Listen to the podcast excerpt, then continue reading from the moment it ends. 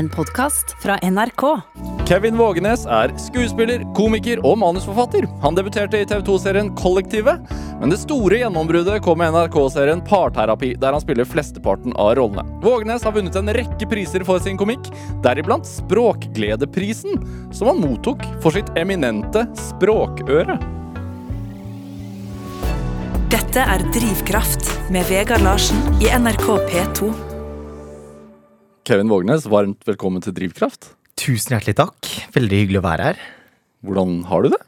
Du, jeg har det, har det greit, vil jeg si. Eh, Som mange andre sikkert eh, føler på i denne litt rare perioden. Jeg skulle egentlig spilt eh, show nå, men har en ekstremt rolig desember. For det, det spiller show gjør man jo ikke nå. Du skulle spilt showet Singel i parterapi, som egentlig nå skulle gått for fulle saler på latter. Ja, ja. Eh, så vi fikk spilt eh, tolv eh, forestillinger før Raimond Johansen stengte ned. Stengte ølkranene, si. Ja, rett og slett. Eh, som, og så er det jo en, det er jo rart, for vi spilte jo da for 200 stykker eh, i en sal som tar eh, 500, så det, er, det vil jo si at det er mer enn Det, det er mindre enn halvfullt. Så, så det, det, det er jo en litt rar Det var litt sånn rart på jobben uh, uh, uansett, men nå er det veldig, veldig rart å ikke gjøre noen ting. Hva driver du med da? da? Uh, jeg prøver jo å være fornuftig. Eh, det, altså, jeg skal ikke lyve. Det jeg, det, det jeg skulle ønske jeg gjorde, var at jeg sto opp til samme tid eh, hver morgen. Gikk meg en tur. eh, skrev. Var produktiv. Det er det jeg håper at jeg skal gjøre i morgen, men det jeg faktisk gjør, Eh, det er at jeg eh, sitter altfor lenge oppe på kvelden. Eh, Ser på TV, eller? True crime og, og elsker liksom mørke TV-serier. Gjerne skandinaviske, hvis noe er virkelig bra. Som for eksempel? Som altså eh, Jeg leter konstant etter første sesong Forbrytelsen, den eh, vibben, Ja. eh, broen eh, Kan til nød liksom se en bekk, men, men eh, ja. Så, så da koser jeg meg maks. Også når jeg ser at eh, lysene slokkes i andre leiligheter, og jeg kan sitte oppe og se på uh, mørke krimserier, da koser jeg meg. Skammer du deg litt for det, eller er det litt sånn Jeg, jeg, ska, jeg skammer meg litt, for jeg vet sånn når klokka blir sånn halv ett, så vet jeg at uh, hvis jeg nå begynner på en episode til, da ryker den der planen om å stå opp tidlig og være et ordentlig menneske som er voksent, og som tar ansvar for eget liv og gjør noe produktivt dagen etterpå. Jaha. For jeg, veldig, jeg trenger åtte timers søvn, gjerne ni. Eh, nesten som et barn. Eh, kan sove, sove lenge og har ingen problemer med å sove utpå på morgenen. Så jeg skal jo ikke klage. Livet er fint, det, men hvor, hvor lenge kan du holde på med dette her, tenker du? sovingen, altså snu døgnet snu døgnet, kose deg med TV-serier hele dagen. Nei, eh, jeg kan ikke holde på sånn. Nå begynner jeg å bli eh, lei. Eh, altså jeg, og, og litt sånn irritert på meg selv. Uh, skammen begynner å ta over. Uh, så, så nå må jeg Jeg må skjerpe meg. Er det litt sånn rart? Jeg, tenker da, Sitter du hjemme da, koser deg med til nøds bekk, og så begynner det å rulle en sånn debatt over en sånn TV- TV-serie du var med i, i 2011. En Ja. debatt rundt komiserien 'Nissen over skog og hei' nå for tiden. som du var med i. Ja. Og TV Norge har jo tatt den bort fordi den har fått rasismeanklager mot seg pga. karakteren Ernst Øyvind, som, altså der Espen Eckbo spiller en karakter med mørkere hud. Altså, hva, hva tenker du som komiker om det? Uh, jeg jeg syns det er litt uh, eh, Ikke bare litt, jeg syns det er ubehagelig å snakke om. fordi at man det, det er vanskelig å si noe om det uten at noen tillegger deg Det er, det er minefelt? Ja, det, det, liksom, uansett hva man sier, så kan eh, noen vri det til at du er det ene eller det andre. Enten så er du eh, Ja, kan du få rasismeanklager, eller så eh, kan du bli anklaget for at du ikke står opp for noe du Ja, det, det, er, det er en utrolig kjip Ja. Det, det, er, det er vanskelig å si noe om det uten å tråkke feil, da. Men det jeg kan si, eh, er at jeg syns det er synd at eh, man Ja, dette er jo Dette er jo Jeg merker jeg liksom veier ordene mine veldig nå. Uh, men jeg syns det har skjedd noe de siste fem årene hvor vi begynner å adoptere amerikansk virkelighet veldig. Ja. Hva mener du med det? Uh, jeg mener at uh, Problemer og kulturelle strømninger og forskjeller eh, blir eh, adoptert inn i liksom eh, det livet vi lever, og at man tillegger ja, norske komikere, da eh, eh, ja, meninger, og man kan beskylde folk for ting eh, fordi satt i en amerikansk virkelighet, så er det veldig problematisk. Eh, og så tillegger man da en kanal eller et program eller en komiker eh, liksom rasistiske ja, undertoner eh, i en serie som overhodet ikke er ment på den eh, måten. Heller det motsatte, at man eh, har levd i et land hvor vi ikke har en, den historien som blackface har i USA. Den eh, har vi jo da heldigvis ikke hatt her, med at man gjør narr av uh, en minoritet. Er det, in, gjør det liksom sånne debatter som det Vi skal ikke prate sånn kjempelenge om det, altså, Kevin, men er, gjør det jobben din vanskeligere? Nei, altså det Ja, men så sk innskrenker det ytringsrommet på noe vis? Altså sånn må, Tenker man at man må være litt mer forsiktig? Ja, det, det, det, det gjør man. man. Man tenker gjennom ting eh, veldig mange ganger. Eh, og, og Jeg husker jo, jeg var jo eh, i tenårene da eh, Torsdagsklubben eh, gikk, var på skjermen. Og jeg husker de der tordentalene til Otto Jespersen, eh, som man som Eh, Man satt liksom hjemme og bare måtte tåle det, og om noen ble krenka, så var nesten det litt Altså, hele humoren lå i provokasjon. Og liksom pushe grenser, og, og det er jo et helt annet klima for det i dag. Så, så det er klart at eh, for en komiker som ønsker det, og som har det, som ser det som sitt liksom, eh, mission, så, så tror jeg det er vanskeligere i dag. Men jeg driver jo eh, Eller har i hvert fall gjort de siste årene mer med karakterhumor. Så, så det, det har ikke vært noe sånn stort problem, det. Eh, men eh, ja, jeg syns eh, man skal begynne å Man skal være litt sånn forsiktig i hvert fall med å tillegge folk eh, meninger, eller å gå tilbake i historien og, og slette ting, da. Mm. Syns du det er trist at den eh, ble, ble tatt bort fra Dplay? Ja, det, det, det, det, syns jeg fordi, jeg. fordi jeg vet at eh, det, aldri har vært tenkt i de baner engang. Eh, at, at det er noe eh, rasisme i det. Så, men jeg skjønner også selvfølgelig at når, når vi har da fått mer amerikansk virkelighet inn i Norge, og man, denne hele woke-movementen og eh, i dag så ville jo f.eks. en film som Brokeback Mountain eh, vært vanskelig å lage med de to skuespillerne som spiller i den. Hvorfor, Eh, hvorfor det, tror du? Jake Gyllenhaal og Heath Ledger. Som spiller, eh, Som spiller homofile. homofile. Mm. Ja.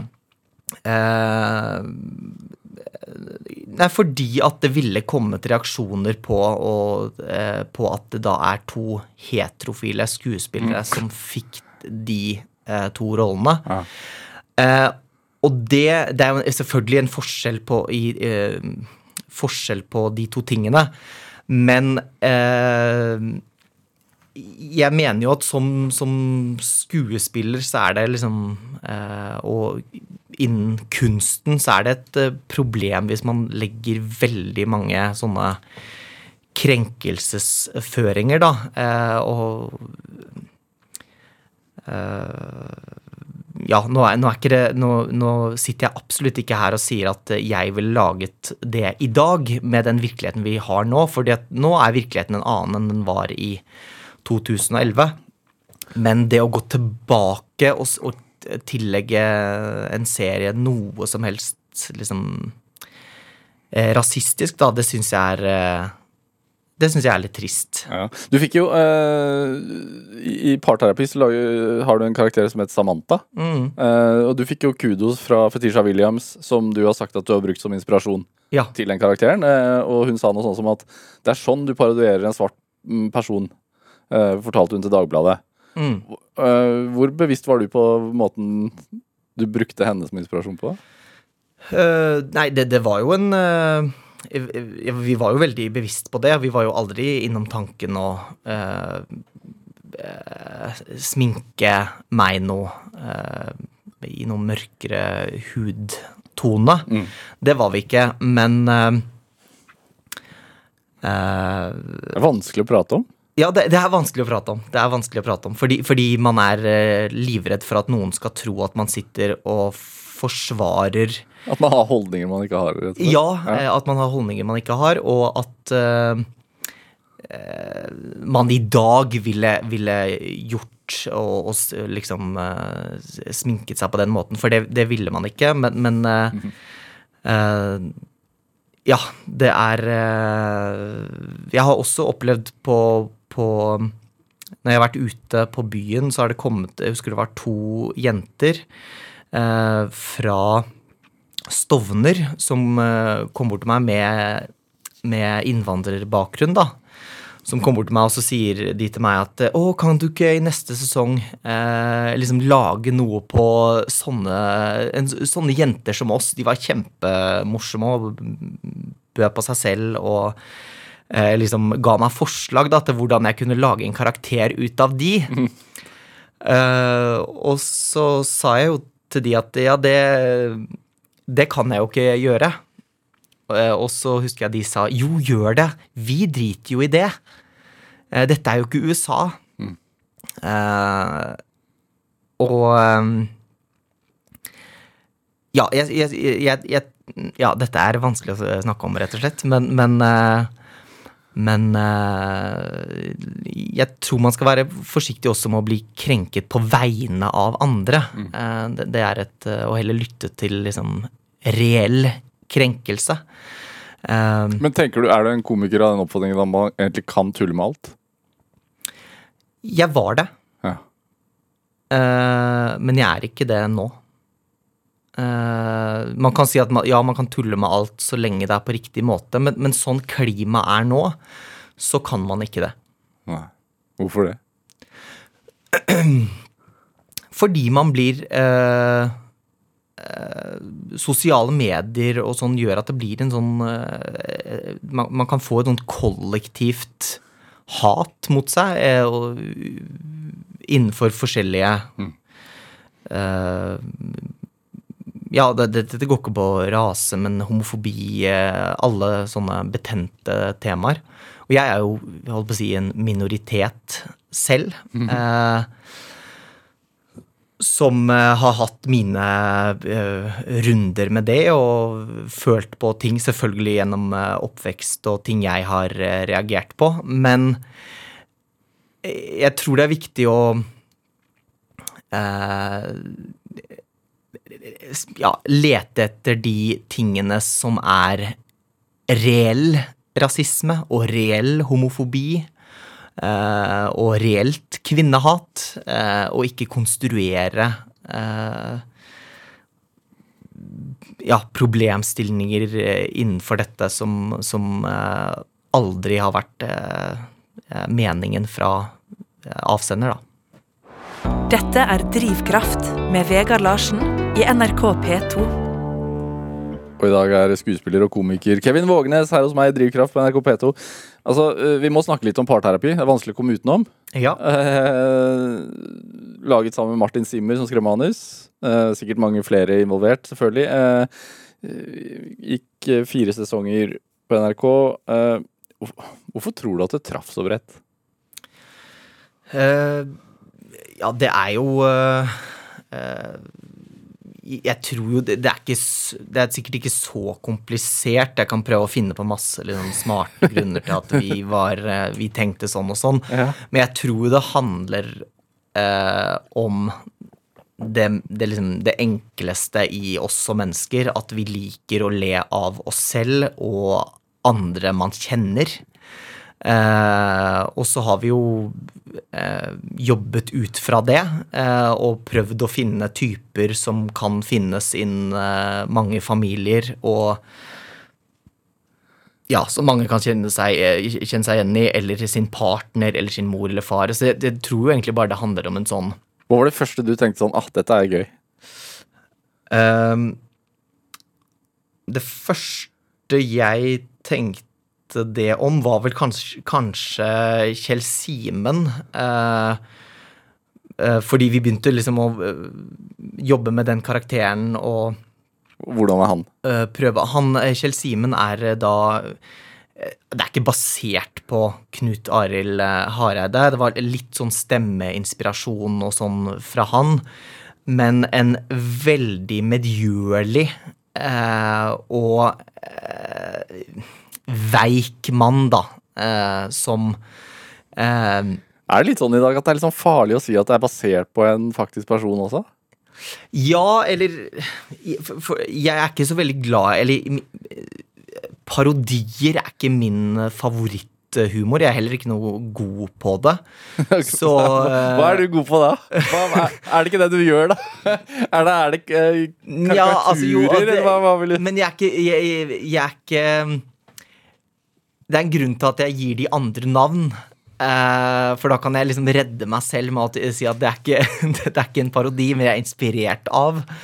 Eh, så så eh, hva var det du spurte om da? Jeg spurte om hva, hva det første det liksom, Den første karakteren som du syntes var morsom, som du, der du tenkte at dette, ja, dette funker. Ja, det, det var jo da eh, Kjell Simen at vi så at en sånn type mannskarakter, eh, karakter som er fanga i et forhold med en veldig sterk dame, spilt av eh, min gode venninne Marit Valør, eh, som gjør en eh, veldig bra rolletolkning av eh, kona hans. Eh, så det var, det var vi to som faktisk utviklet den karakteren sammen. Og da syns du den er morsom selv. Ja, jeg syns karakteren er morsom selv, men jeg, jeg, Hvor viktig er det? det, det er eh, Det er ikke alltid så viktig. Skulle gjerne sagt at det er veldig viktig, men det er ikke alltid at min intuisjon er uh, on point. Uh, det er ikke alltid det jeg syns er det morsomste, som uh, folket syns er det morsomste. Okay. Så der er jeg takknemlig for at jeg har folk rundt meg. Har, har du et eksempel på ting Ja, jeg- du syns er morsomt? Jeg kan eksempel like han Det er en karakter som heter Gaute i eh, parterapi. Som er eh, kjendisstylist, men det, eh, det kommer ganske tydelig frem etter hvert at han ikke så, har ikke så mye jobb som han later som han har, og han liker ikke dattera si så godt. Han syns det er kjedelig å være far. Eh, og han driver og finner på en god del historier om kjente mennesker, blant annet av Mette-Marit og folk, kongelige mennesker som han da liksom har jobbet med.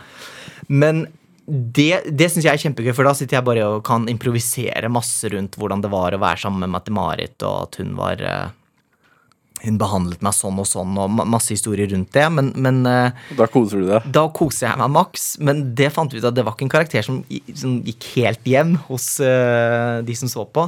Så han forsvant vel etter én sesong eller noe sånt. Hvordan finner man ut sånt?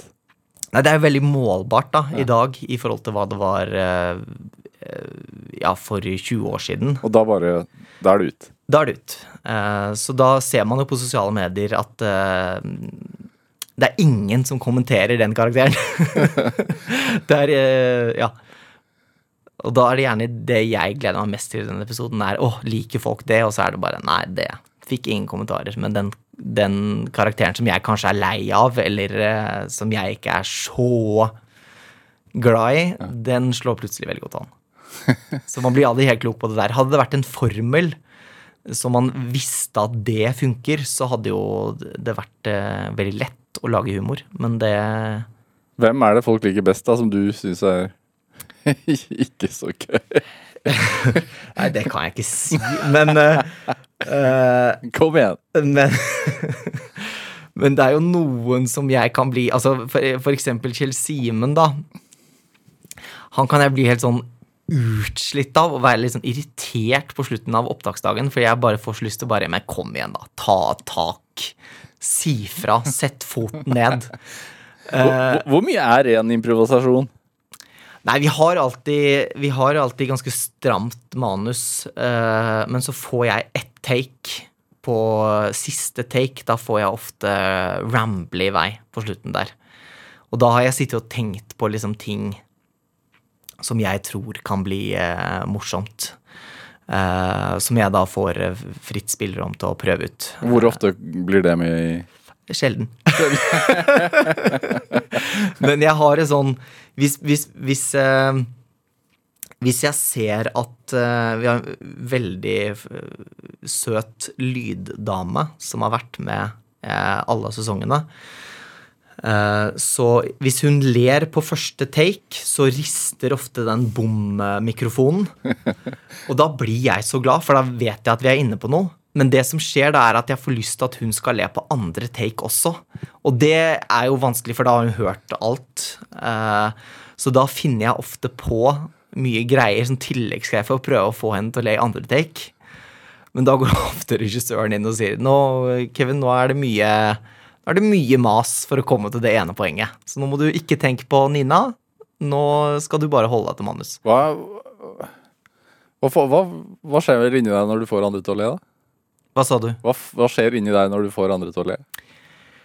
Eh, Det er jo eh, Fordi humor er så eh, Fordi det ikke finnes en formel, eh, og fordi det er Det føles ganske sånn uh, nakent, spesielt når man improviserer. Og for, alle, vet, alle i det rommet vet jo at min jobb på det settet er jo å prøve å, være, å gjøre den karakteren så mor morsom som overhodet mulig.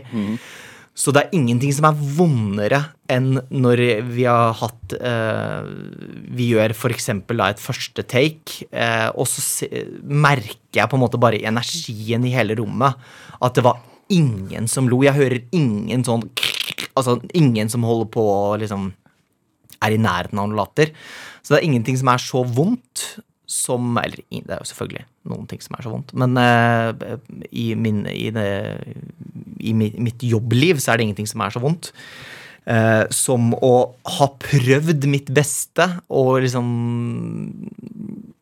leverer ting sånn som jeg tror uh, det blir best, og så, så bare faller det helt igjennom. Eh, så den tilfredsstillelsen når når Nina da rister med den bommen, den er altså så Det er, eh, det er en deilig følelse. Den er skam Altså, skam er kanskje feil ord, men den følelsen av at ingen lo, hvor lenge kan den sitte i? Eh, Den kan sitte i eh, Den kan sitte i Altså, man må jo riste den av seg, men, men det har vel skjedd et par-tre ganger at jeg må be om ti minutter. Sånn, gjerne etter eh, man først prøver ut en karakter, og så er det helt stille. Og så prøver man og prøver man, så får jeg ikke Jeg får det ikke til. Så man merker på en måte også at rommet er skuffa eh, over mine evner. Så da, da, da, da sitter jeg jo og Men du tenker det? Uffa meg, det er forferdelig. Ja, det, det er en ganske vond uh, følelse. Så da, men jeg har jobba med han eh, regissøren Lars Christian Flemmen helt siden eh, Kollektivet, som var min første liksom, jobb, egentlig. Eh, som eh, komiker. Og han kjenner meg veldig godt, så han kan, han kan se når jeg begynner å tenke på andre ting enn jeg skal. Når jeg begynner å stresse over sluttresultatet og sånn, så da er han flink til å gå inn. Og nå går vi ut i ti minutter, og så prater vi med noe annet, og så går vi inn igjen og tenker at dette er, gøy. Ja. Men er det sånn at du kan ta det med deg hjem og ligge og gruble på det på kvelden, liksom? Sånn, Ja, det er jeg. Ja. Det er jeg. Uh, og kanskje spesielt sånn som nå når jeg skulle gjøre et sceneshow, uh, så, så er det eh, ekstra vondt. Hva sier du til deg sjæl, da? Nei, altså Jeg prøver jo å si eh, til meg selv at eh, ok, men folk, folk eh, rundt de jeg jobber med, har tru, trua på at dette kan bli noe. Og så driver man jo gjerne og tester ting. Ganske lang, eh, lang tid eh, før premiere så har man testa ulike liksom, standup-bolker og, og eh, karakternumre. Eh, og så får man gjerne ikke de svarene man er ute etter eh, i de testrundene. Og da eh, blir man jo redd for at Spesielt når man har et soloshow, for man deler ikke skylda med noen andre på scenen, da. Eh, og de fleste som kommer og ser på, hvis de opplever det som et dårlig eh, show eller dårlig håndverk, de tenker ikke at eh, dette er sammensatt. Dette er en regissør og en manusforfatter, og her var det flere ting som ikke stemte. Det er på en måte mine evner som får skylda. Nei, han, han var dårlig. Han var, så man, man er, går jo med en sånn konstant frykt for å bli avslørt. Nå kommer det for en dag at eh, parterapi eh, var flaks. Det var bare en eh, Der har han vært heldig med eh, manus eller eh, konsept, eller Men nå når vi fikk se han i eh, på scenen, på scenen. bare opp, rett opp og ned og skal fortelle en historie eller en karakter, så var ikke det så Nei, det, der avslørte han seg som det han egentlig er. Fikk du jo sekser på terningen, da, Kevin Vågnes. Ja da, det var eh, Og jeg var veldig glad for at vi fikk hatt premiere før det ble Før vi måtte utsette resten av forestillingene. Ja. For den angsten man går med de to-tre månedene før, egentlig helt siden august, så har jeg gått med en sånn indre uro. For man vet at det kommer eh, en ja, flere anmeldelser da, hvor, eh, hvor det er du, du får Men hvordan er den? Altså, Er det en faktisk angst, eller er det bare en sånn nervøsitet, eller hva er det en Nei, det, det er litt, litt forskjellig eh, for min del. Heldigvis, stort sett, så, så er det bare en nervøsitet. Eh, men så kommer det litt sånne angstbølger eh, for min del, da, spesielt når det er sånne eh, Jeg husker første gjennomgang av forestillingen. Da hadde vi prøvd flere bolker hver for seg, men så skulle vi prøve hele forestillingen i ett, da 20 dager før premiere.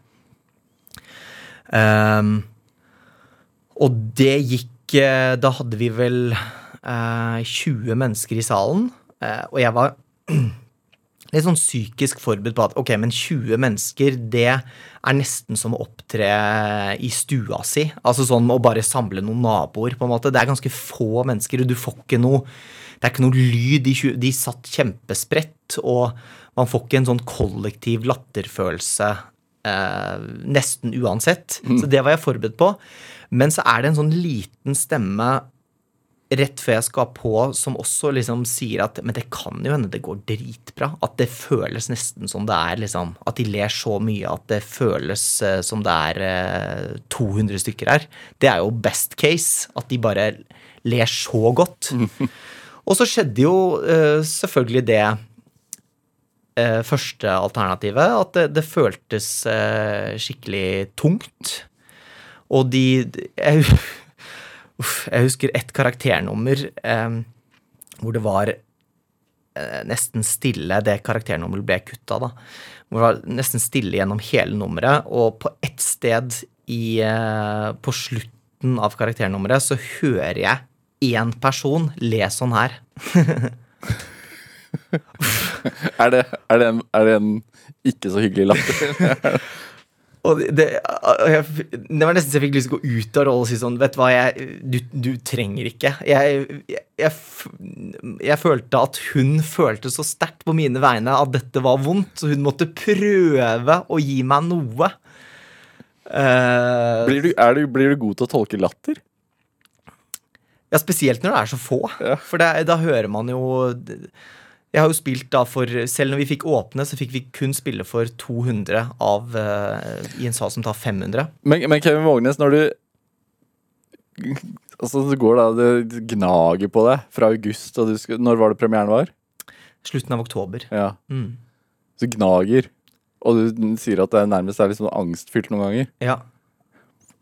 Hvorfor? Hvorfor gjøre det? Ja, det er jo Hva er, det, hva er gulrota som gjør det verdt det? jeg, jeg sa faktisk til produsenten, eh, min sjef, da eh, Dagen før eh, premiere så sa jeg faktisk til han eh, Jeg vet ikke om jeg har dette i meg en gang til. Om jeg, om jeg klarer en sånn runde til, da. Men nå er jo alt glemt. Fordi at eh, det skjer jo et eller annet når man står der og man har bestemt seg for at dette går vi for. Eh, briste eller bære. Eh, dette tror vi på.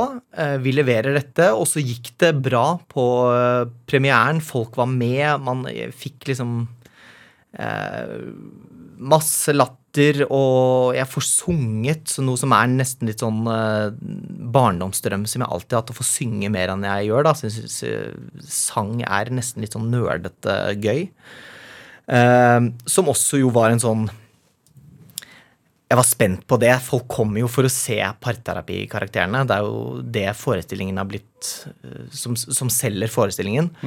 Men så gjør jeg også andre ting, standup og sånn, og så var det liksom med på pakka.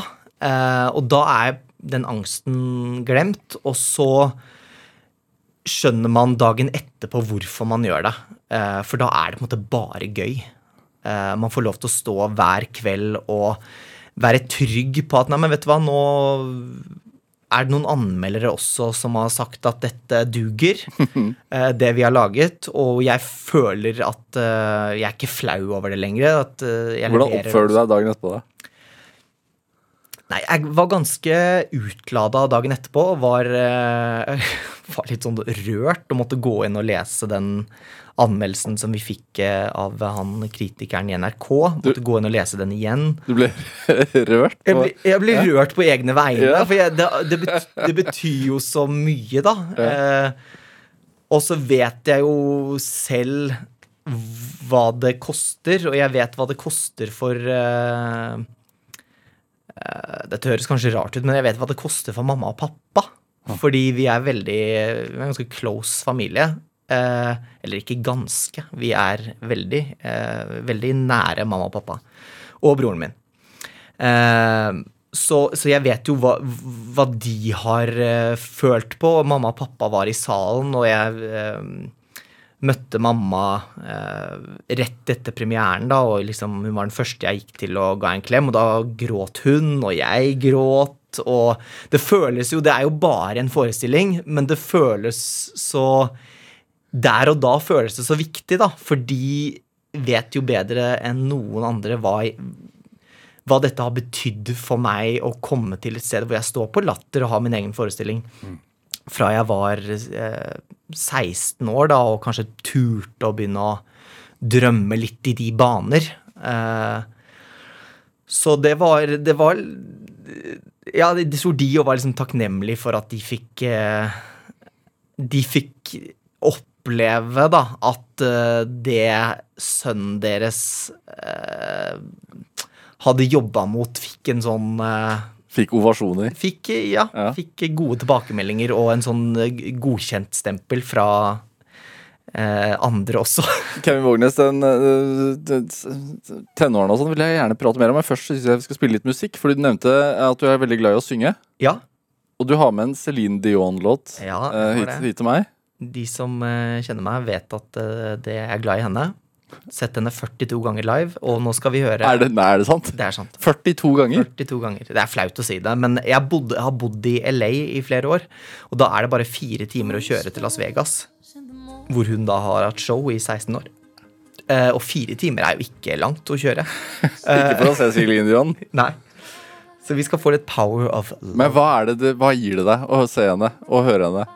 Det er bare en sånn eh, ekstrem disiplin, hvor, hun skal levere da F.eks. for eksempel All By Myself, da, som er en utrolig krevende låt å synge. Eller The Power of Love, som vi hører i bakgrunnen her? Love, ja. Eh, hvor hun hver kveld må levere vokal, og alle kommer for å se henne synge veldig bra, verdensklasse bra, og det presset å ha det hver kveld, og klare å levere, det imponerer meg bare så vanvittig. Eh, for det, hun er jo hun er jo en sanger med stor S. Hun er ikke liksom en eh, songer, songer faktisk, singer-songwriter med fine tekster, og det handler om vokalen. Må vi høre. Må vi høre.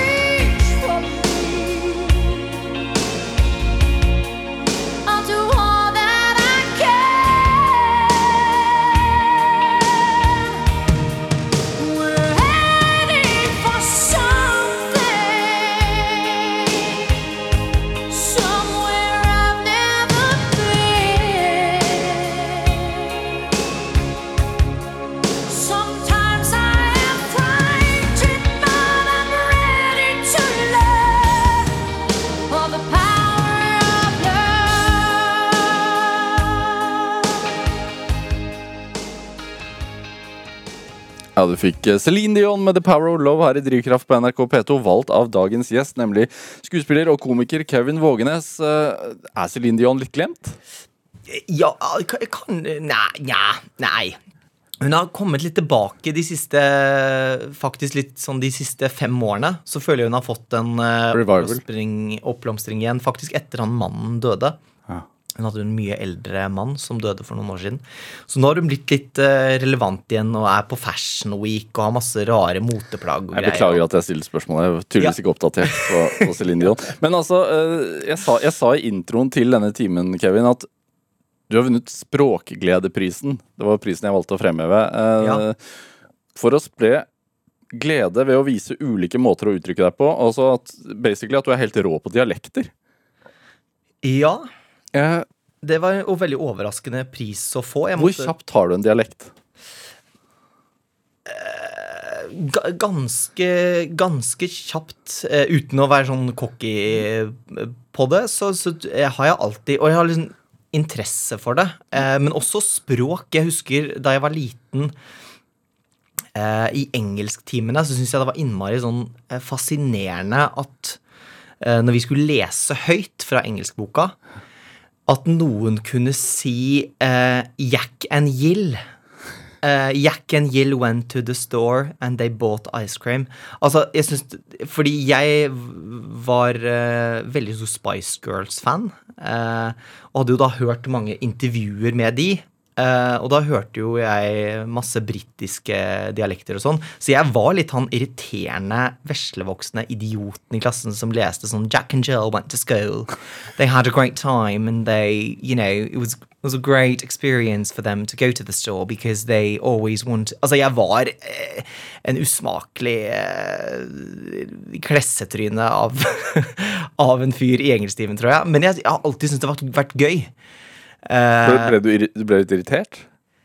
ja, eller jeg, jeg, jeg bare skjønte ikke hvor, hvordan, kan ikke hvordan kan noen ikke vite at det er ikke sånn engelsk høres ut?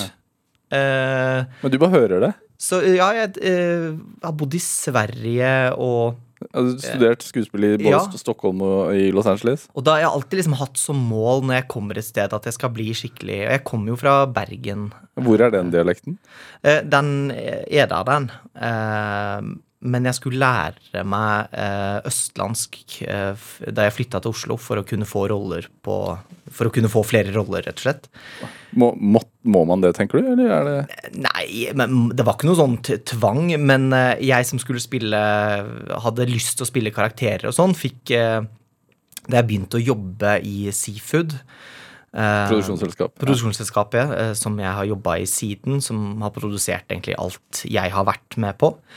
Eh, da skjønte jeg at hvis jeg skal spille karakterer, så er det litt sånn, litt sånn snevert å bare skulle spille bergenskarakterer. så her må jeg prøve å eh, ja, de Flesteparten i Norge bor jo på Østlandet, så jeg må prøve å beherske i hvert fall en sånn generell østlandsdialekt. Eh, og så eh, gikk jeg inn for det.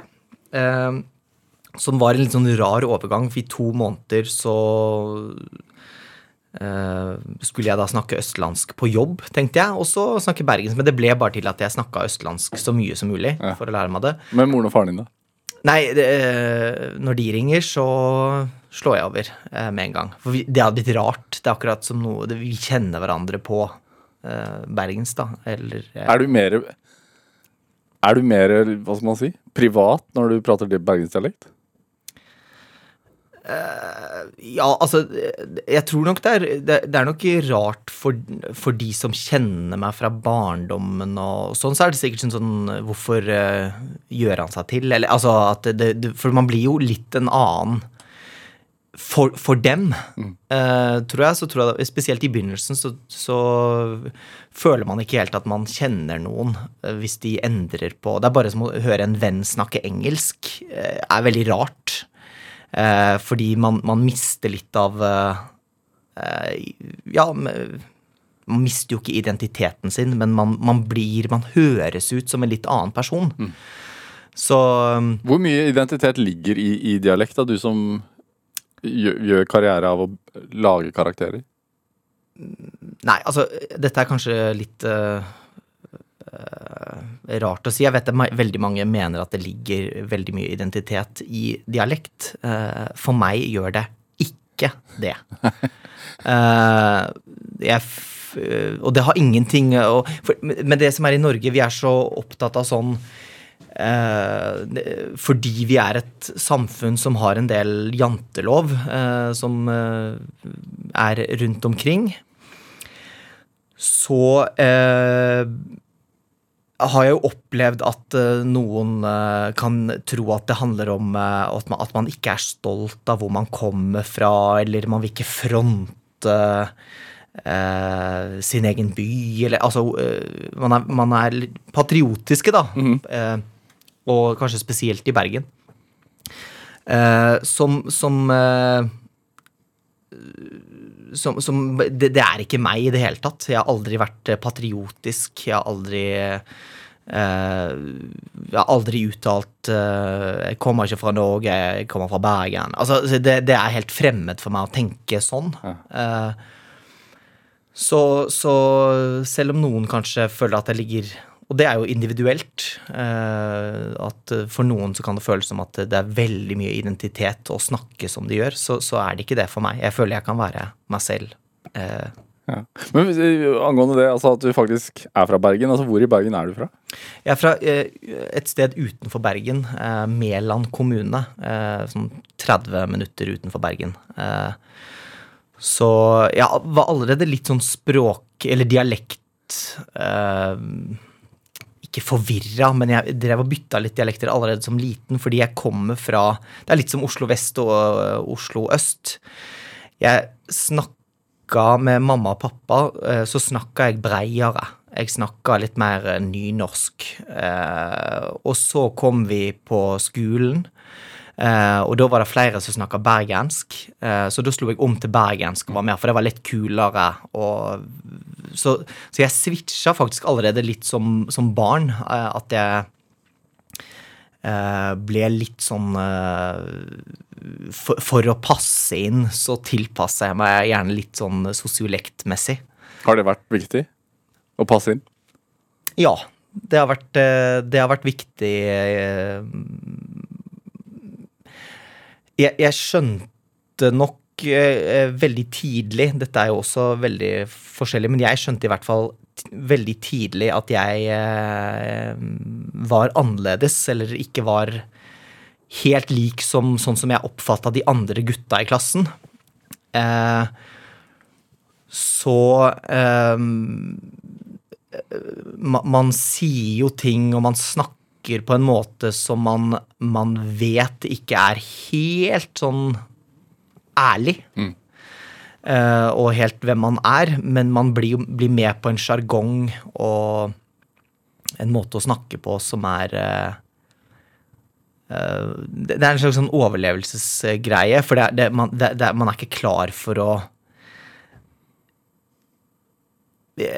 komme helt ut av sitt eget skall og si hvem man er, i frykt for eh, reaksjoner og bare på de eh, Altså, nå er det 20 år siden jeg var eh, 14. Eh, Og på de 20 årene så har det, jo skjedd veldig mye, så mitt inntrykk er at folk, den prosessen går litt kjappere nå. eh, I hvert fall i de store byene og men, eh, men for meg så var det en ekstremt sånn langsom prosess å finne ut av hva, hvem jeg var, og ja, være ærlig med seg selv, da. Og jeg trengte faktisk å komme bort eh, for å finne ut av det. Jeg Altså flytte derfra? Ja. Ja. jeg visste at eh, jeg trenger avstand eh, til det Til den jeg var på en måte lata som jeg var.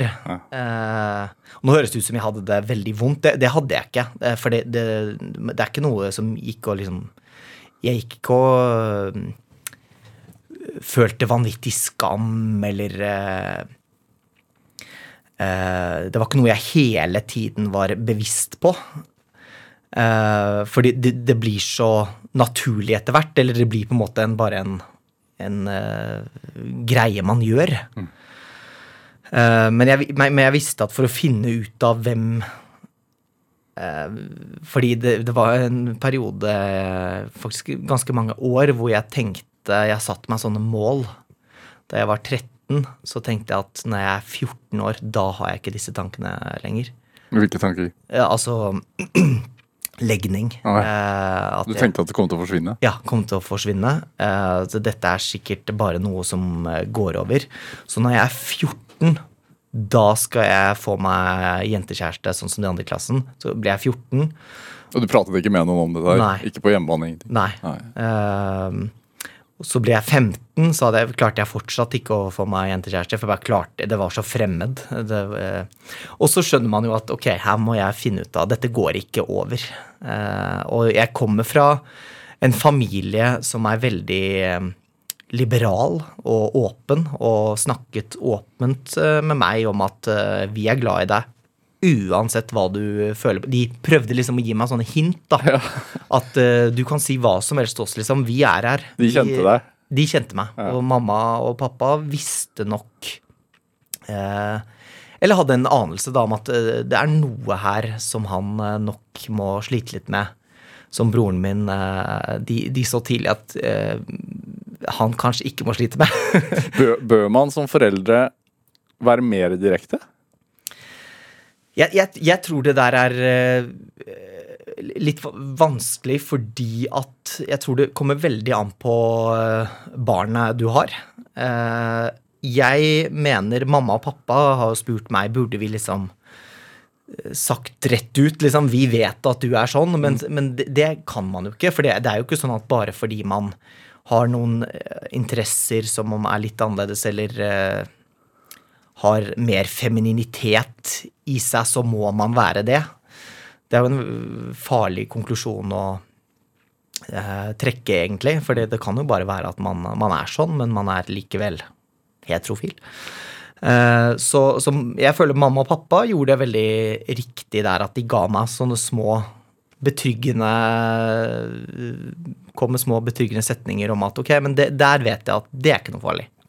De, de står der eh, uansett. Eh, men jeg hadde i hvert fall behov for å finne ut av mer av dette på egen hånd. Hvordan var det å endelig liksom være ærlig med seg selv, da? Det var utrolig deilig. Eh, jeg hadde brukt så mange år på å være bevisst på bare en sånn enkel ting som måten jeg sitter på. Eh, Jeg var Helt siden jeg var sånn 12 til sikkert 18-19 år, så var jeg veldig bevisst på at som heterofil gutt så sitter man ikke med bena i kors. For eksempel, så nå sitter jeg tilfeldigvis eh, og slapper av med bena i kors. Eh, det er ikke det at det er noe eh, feminint eh, nødvendigvis, men det, det var en sånn greie som jeg bare Nei, det gjør man ikke. Det er ofte sånn jentene sitter. De sitter med så det, Og en helt naturlig måte for meg å Ja. sitte på, men som jeg Bare det å kunne sitte og ikke være tenke på at åh, jeg må ikke gjøre håndbevegelser når jeg snakker, fordi det kan bli tolket sånn og sånn. Og Jeg husker en gang på folkehøyskolen.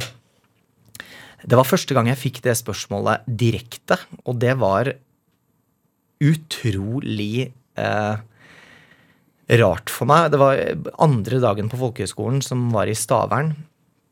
Så var det en jente som eh, kom bort til meg. Vi hadde snakka i ett minutt, og så sier hun bare ut av ingenting eh, Er du homo? Og det var altså så Jeg skvatt så av det spørsmålet. Eh, og jeg var så langt fra klar til å si at eh, ja, det er jeg. Så jeg sa jo nei, det er jeg ikke. Eh, og ikke, ikke, ikke hata henne, det, det, men, men mislikte henne, da. Fordi hun avslørte det? Ja. Resten av året eh, husker jeg liksom unngikk henne. Eh, fordi jeg tenkte at det var eh, utrolig frekt å spørre meg om noe sånt, som jobba så hardt for å ikke være det. Har du prata med henne i ettertid, da? Nei, jeg har ikke det. Jeg har ikke det. Eh, det var ikke noe, vi var ikke noe slemme med henne, eller noe sånt, men det, ble bare aldri Det ble ikke noe vennskap der.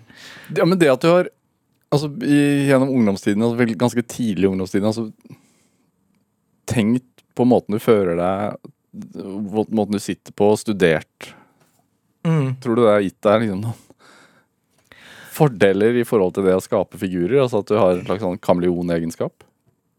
Ja, det tror jeg.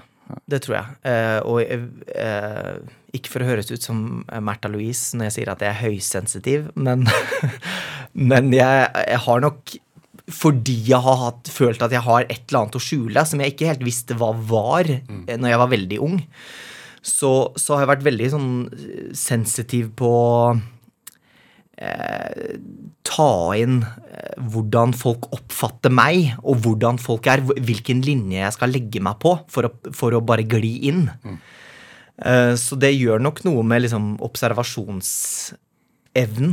Eh, som har, tror jeg har hjulpet meg i, eh, i mitt eh, yrkesliv, da. Blir man høysensitive, blir ofte veldig slitne. Altså at man når et punkt, og så bare sånn Ok, nå må jeg ha, ha ro. Ja, det, det tror jeg er uh, helt riktig. Jeg hadde jo en litt sånn rar opplevelse etter at jeg hadde kommet ut da, og sagt det. Vært eh, liksom endelig sagt 'sånn er jeg'. Eh, så har man jo en sånn forestilling om at ok, da skal alt bli bra. For nå er jeg endelig meg selv og Så etter å ha jo, jobba i veldig mange år med å nå det målet og lagt all min energi på å komme inn på den skolen, få den jobben Når jeg da endelig eh, kom ut og sa hvem jeg er, så eh, fikk jeg en liksom psykisk eh, Da var det akkurat som mange år catcha opp. Ma mange år med ja, å legge lokk på ting og legge ting bort. Ja. Det, det kom tilbake, som var litt eh, nedtur. Eh, fordi da var jeg så klar for å ha det bra. Ingen sammenligning for øvrig, men sånn at man ofte blir sjuk i ferien. I- Rett og slett. Ja. Rett og slett. Da, det, det, da hadde jeg på en måte kommet et sted i livet hvor jeg Ja, men her er det jo fint å være. Nå, nå, nå koser vi oss. Nå er det jo bare å nyte det som Nå vet alle om det. Alle har tatt det fint. Jeg har fått, eh, eh, fått meg jobb i kollektivet og jobber med eh, folk som jeg syns var dritflinke. Og alt var på, lå til rette for at jeg skulle ha det bra, da. Eh, Så det, var en veldig rar Men det er en veldig god sammenligning. Det var i ferien det kom. Kevin Vågnes, en time går altfor fort. Jeg skulle gjerne pratet med deg en time til. Eh, Men dette programmet heter jo Drivkraft. Ja. Hva tenker du er din drivkraft? Eh, Min drivkraft er nok å sette et eller annet form for avtrykk. Og av eh, Og har følt og føle på Og det, dette ikke for å bli for dyp, men det er et eller annet med at når man vet at eh, man har en mer kronglete reise eh, til å få barn, så er det Vet jeg jo at når jeg forlater denne jorda, så er jeg død. Du er jo ikke det, for du har barn, ikke sant? så de lever, dine gener går, lever videre gjennom han. Eh, eller de barna dine. Men jeg har alltid hatt en sånn eh, litt eh, tanke om at ok, men da må jeg ha noe annet som jeg legger igjen. Så da livet mitt har betydd et eller annet. Så fint. Tusen takk for at du kom hit i Drivkraft. Takk for at jeg fikk komme.